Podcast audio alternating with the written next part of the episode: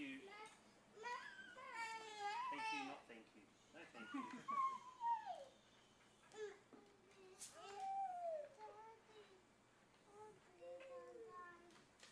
That probably is better, isn't it? It's all my fault. It always is, some say in the audience. Uh, friends, Happy New Year. Uh, my name is Mark Collins.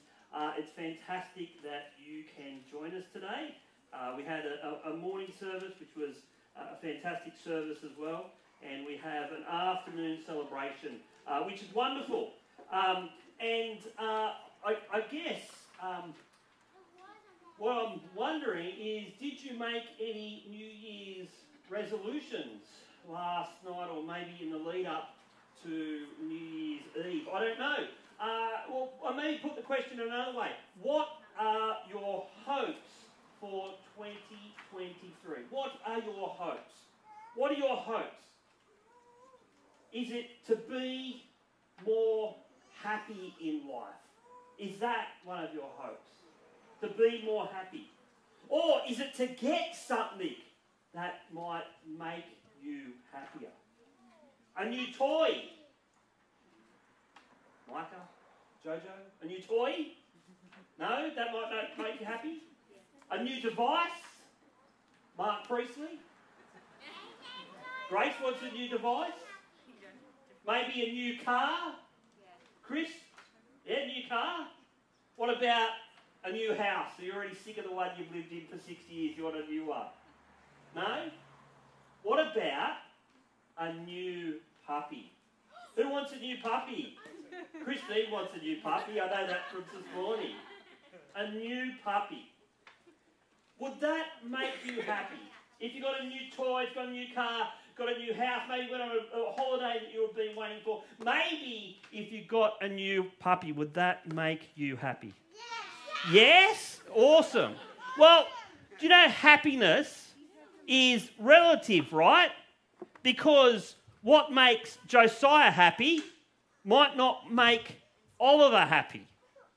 Now, if you're a person who loves dogs, then a puppy is going to make you happy.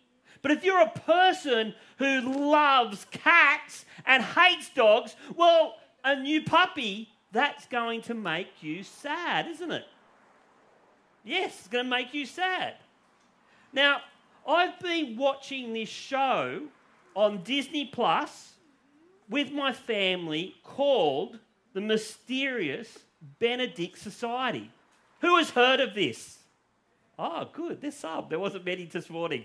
Uh, this is this is a, a show that's based off a children's book, and the general premise is a group four very very different children are recruited by a professor, Mr. Benedict, in an attempt to stop his twin brother, Dr. L.D. Curtain, who is sending messages that infiltrate people's minds and allow him to slip in ideas and thoughts for his benefit.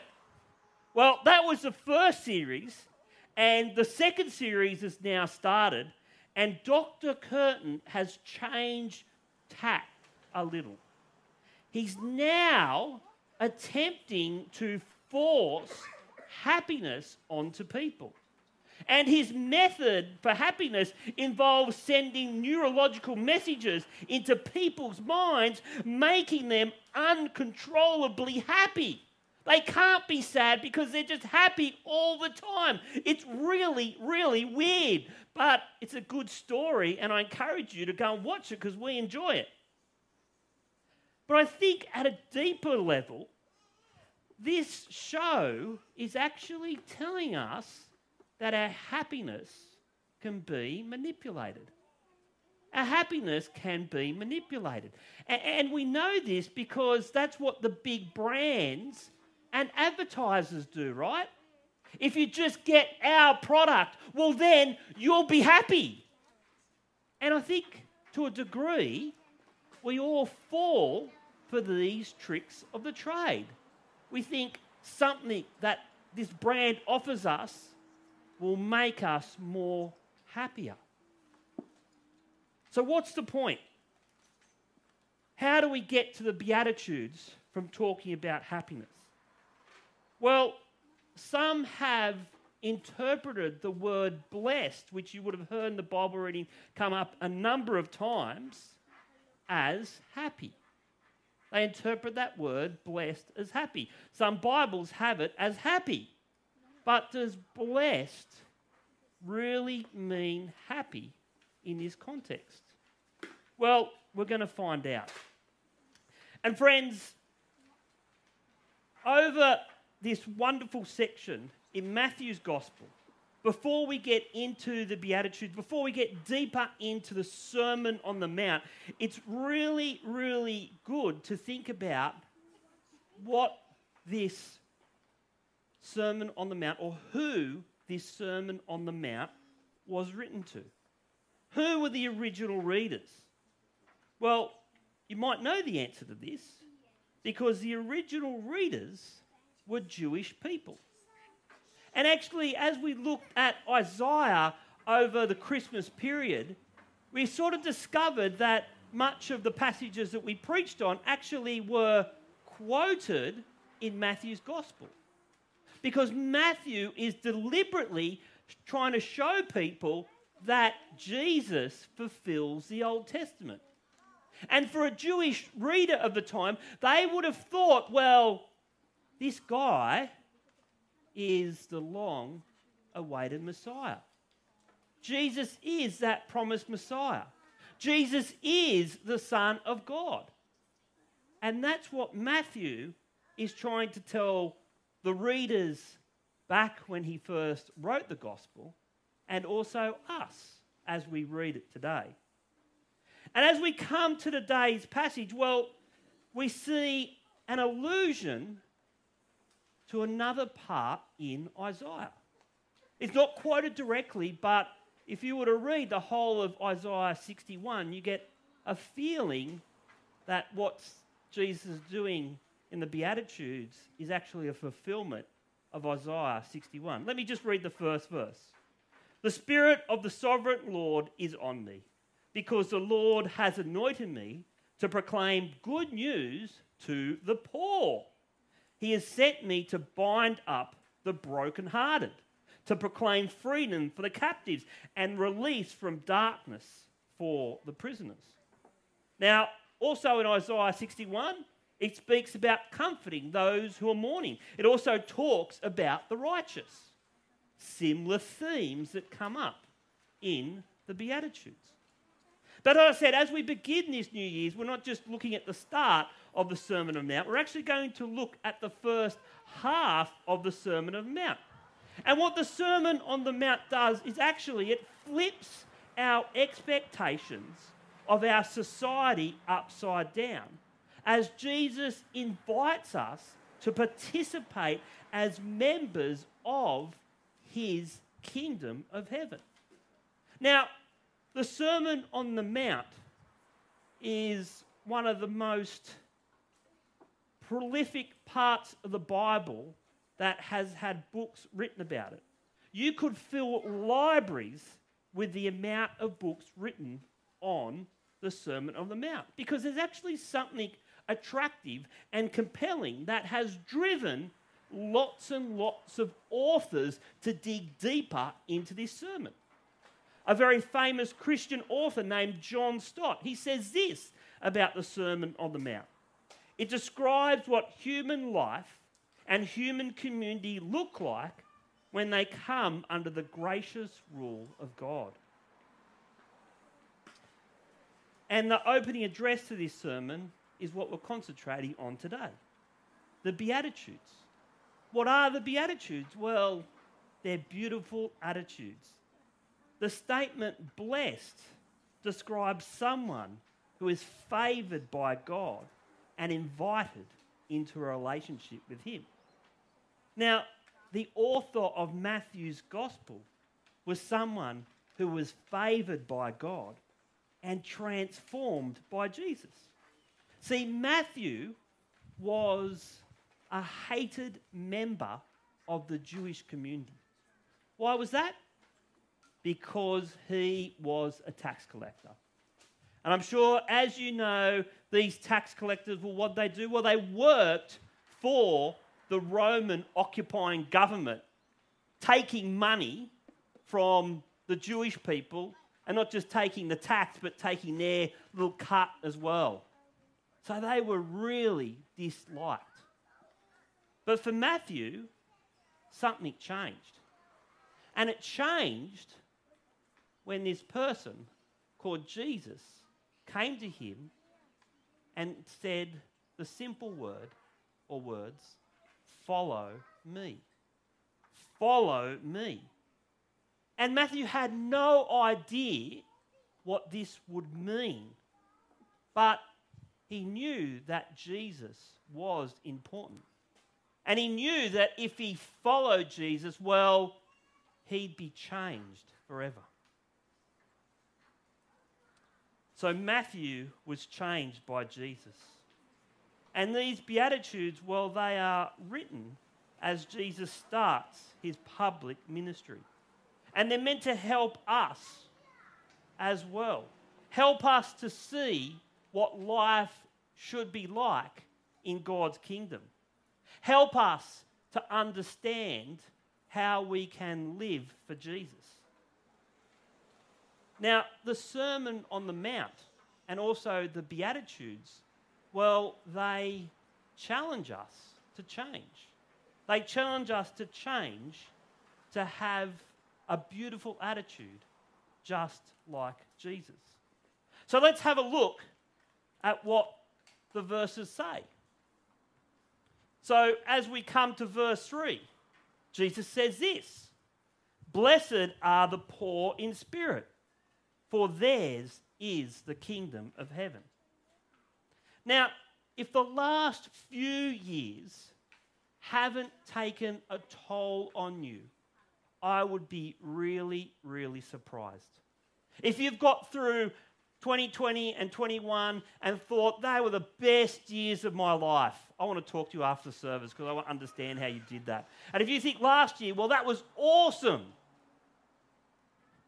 felt for me like I was just getting over the lockdown period, getting back maybe into a, a regular routine.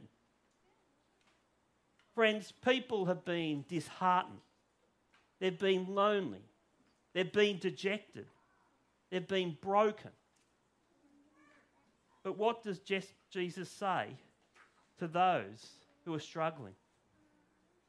Well, he says, Blessed are the poor in spirit, and why does he say that? Because he knows that the poor in spirit know how much they need God. And they recognize that they can't do things on their own and they need to rely on Jesus. See, instead of self importance or self determination, which are all I focused, we need to take an upside down approach and depend on God who is really in control. Blessed are the poor in spirit. Verse 4 Blessed are those who mourn, for they will be comforted. Cut off from family and friends in lockdown? Scared by the next COVID wave? In 2020 or 2021, did you have friends and fa- or family who didn't make it through the COVID waves that hit Australia and other countries around the world? Were you forced to watch friends and families' funerals online because you couldn't get there due to restrictions on the numbers at funerals, or a funeral being in a different local government area, a different state, or a different country. There have been many of us, friends, that have felt this grief where we couldn't go to a funeral of a loved one.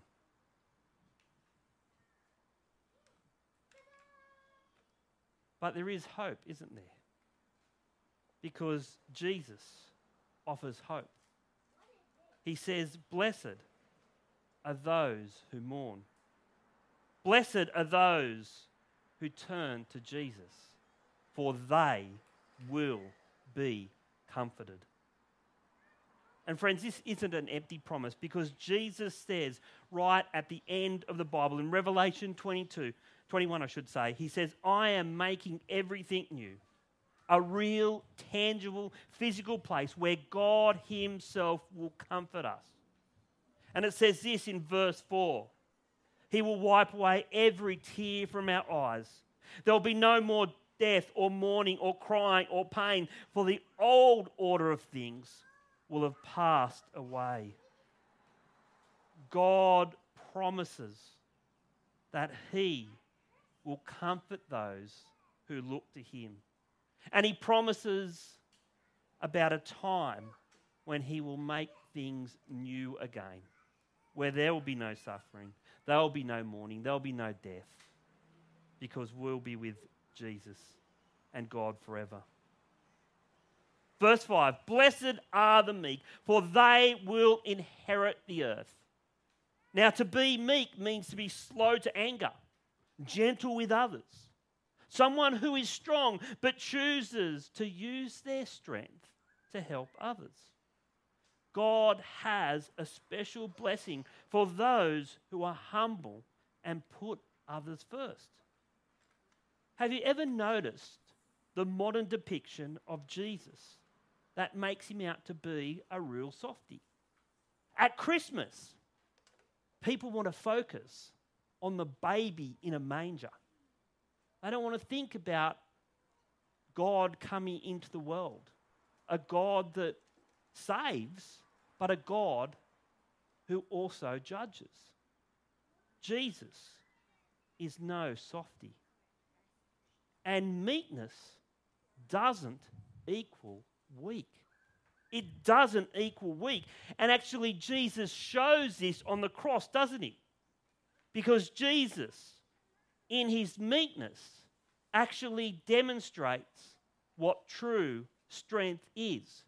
He endures the cross, he endures betrayal, false trial, mocking, and ultimately death. Now, humanly speaking, at any point Jesus could have bailed out. He had the power within himself to do this. He could have called on the heavenly angels to help him. But instead, in his meekness, he sought God's will and used his strength to help others. He died for us, friends. He absorbed God's judgment so that we can be forgiven. He even said about his enemies while he was suffering this painful death on the cross Father, forgive them, for they do not know what they are doing. How upside down is that? He laid down his life for others, he laid down his life for his enemies. He used his strength and he is God, so he is very, very, very, very strong. He used his strength to help others. Blessed are the meek as they use their strength to help others. Blessed are those who hunger and thirst for righteousness, for they will be filled. Now, I feel like this is one of the most misquoted verses of the Beatitudes. Because people say, Blessed are those who hunger and thirst, full stop. And then this verse can then be used to justify a whole lot of things. Why aren't you helping the poor? Well, you've got way too much money. You shouldn't have that much money. But that's just not using this verse correctly. Because as we read on, we actually get a different understanding. Blessed are those who hunger and thirst for righteousness. And righteousness is the key word here. In other words, we're blessed if our greatest desire is to be right with God and live our lives worthy of Him. God has a special blessing for those whose greatest desire is to seek His will, put Him first. And as we seek God's kingdom, well, we pray like the line in the Lord's Prayer Your will be done as on earth as it is in heaven. And as we reach out, as we go out into this world filled by the Holy Spirit, well, we can bless others because we are focused on the one who gives blessing. Verse 7 Blessed are the merciful, for they will be shown mercy. Now, mercy means compassion or forgiveness shown towards someone whom it's within our power to punish or harm. Now, we live in such an unforgiving age in history. Harshness, political polarization. You support that political party. I support this one. I'm not going to get him on with you. There's tribalism. And these things, well, they divide us, don't they? But God is kind and shows mercy to those who show mercy and kindness to others. He doesn't want division. No, he wants mercy and kindness. He wants unity those who show compassion, who don't close their hearts to human suffering and pain. Jesus says, Blessed are the merciful. Blessed are the pure in heart, for they will see God, as verse 8 says. God has a special blessing for those who are pure, pure in thought, word, and deed. For one day they will see Jesus. See, we're living in an age where immorality is at our fingertips and self indulgence is the norm. We hear these catch cries, don't we? Whatever makes you happy, or as long as it doesn't hurt anyone, or if it feels good, just do it. We need to take care. We need to be self controlled what flows out of our hearts actually affects our lives. Blessed are the pure in heart, for they will see God. Blessed are the peacemakers, for they will be called children of God. Peacemakers, not cheesemakers, to quote a certain Monty Python movie called The Life of Brian. Those who try and bring peace to a situation will be called children of God. And peacemakers in Matthew is closely related to loving your neighbour. And so we're to make peace and to be peace loving people. We're to show kindness even to our enemies. God's upside down kingdom is actually marked by peacemakers. And He wants us to make peace wherever possible. Verse 10 Blessed are those who are persecuted because of righteousness, for theirs is the kingdom of heaven. Now, this is counterintuitive, but God actually has a special blessing for those who are insulted or persecuted for the sake of Jesus. It says heaven is theirs. Now, while we don't like to be persecuted, we will suffer if we identify as a follower of Jesus. But what are we to do? Not be sad. It says we are to rejoice because heaven awaits those who are faithful and persevered to the end. And friends, I'm sure you can think of many examples where you've heard of people being persecuted for their trust in Jesus. One of the most famous ones this year was a man called Andrew Thorburn, who was the CEO of the Essendon AFL club for one day. Why one day? Well, after the media found out that he held a very senior leadership position in his local church, they went after him. And so the Essendon board, it's alleged, asked Andrew to choose between leading at his church or leading the football club. Andrew decided, I want to keep leading at my church. So he gave up that position of CEO of the Essendon Football Club. But as we read on in the, in the Beatitudes, verses 11 and 12, well, they t- say, tell us something more, don't they? See, we can be blessed in the most awful of situations in life because we're united to Jesus. We're members of the kingdom of heaven when we trust in Him. And you can rejoice and be glad because great is your reward in heaven, as verse 12 says. Friends, we need to be blessed by Jesus because persecution has been happening to God's people for a very, very, very long period of time. So when we read the word blessed in the Beatitudes, it can't mean happiness.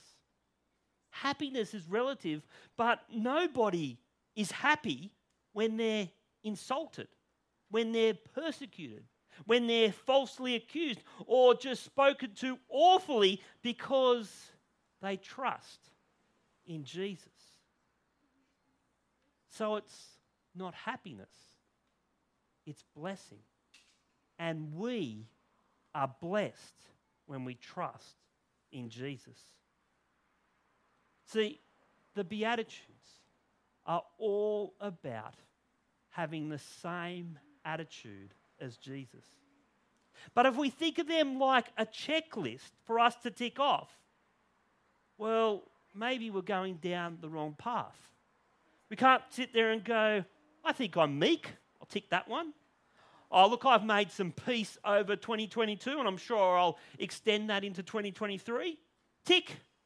Oh, I can be merciful. Tick. Pure in heart. Well, sometimes, mostly, oh, I'll give it a tick anyway. Now, if we think of the Beatitudes as a checklist, we're going to be easily discouraged. Because often when we try and do what God wants, well, we can have some setbacks, right? That's because we live in a sinful world. See, it can't be a checklist of things for us to do, but it's actually a reminder of Jesus' righteousness. It's a reminder that Jesus is Lord. It's a reminder that God is calling us to live our lives for Him. Because only when we trust in Him can these Beatitudes become real in our lives. See, our society is wandering further and further away from God. And they want us to follow the herd. But the question comes for us now and always is whose blessing are we seeking? Does God's blessing mean more to us than actually the approval of our culture, the approval of maybe friends and family. We have to make choices. We have to make choices this new year. We have to make choices each and every day. How are we going to react? How are we going to respond? How are we going to initiate? How are we going to live for Jesus? Blessed are those who are saved by Jesus, who walk in his footsteps and emulate his behavior. and love others.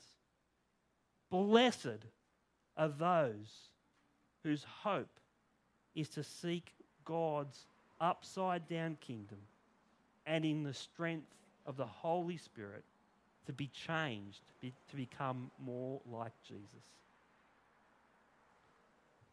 Blessed are those who follow Jesus. Let me pray. Father God, we just thank you so much that you sent your Son into the world, something that we've just celebrated at Christmas. And we read in this wonderful word that you have provided how we can have a beautiful attitude just like Jesus has. Father, we know it's not through our own effort, but it's through trusting and living for Jesus. Father God, help us by the, by the power of the Holy Spirit to live for Jesus now and every day in 2023 and beyond. We thank you so much. In Jesus' name we pray. Amen.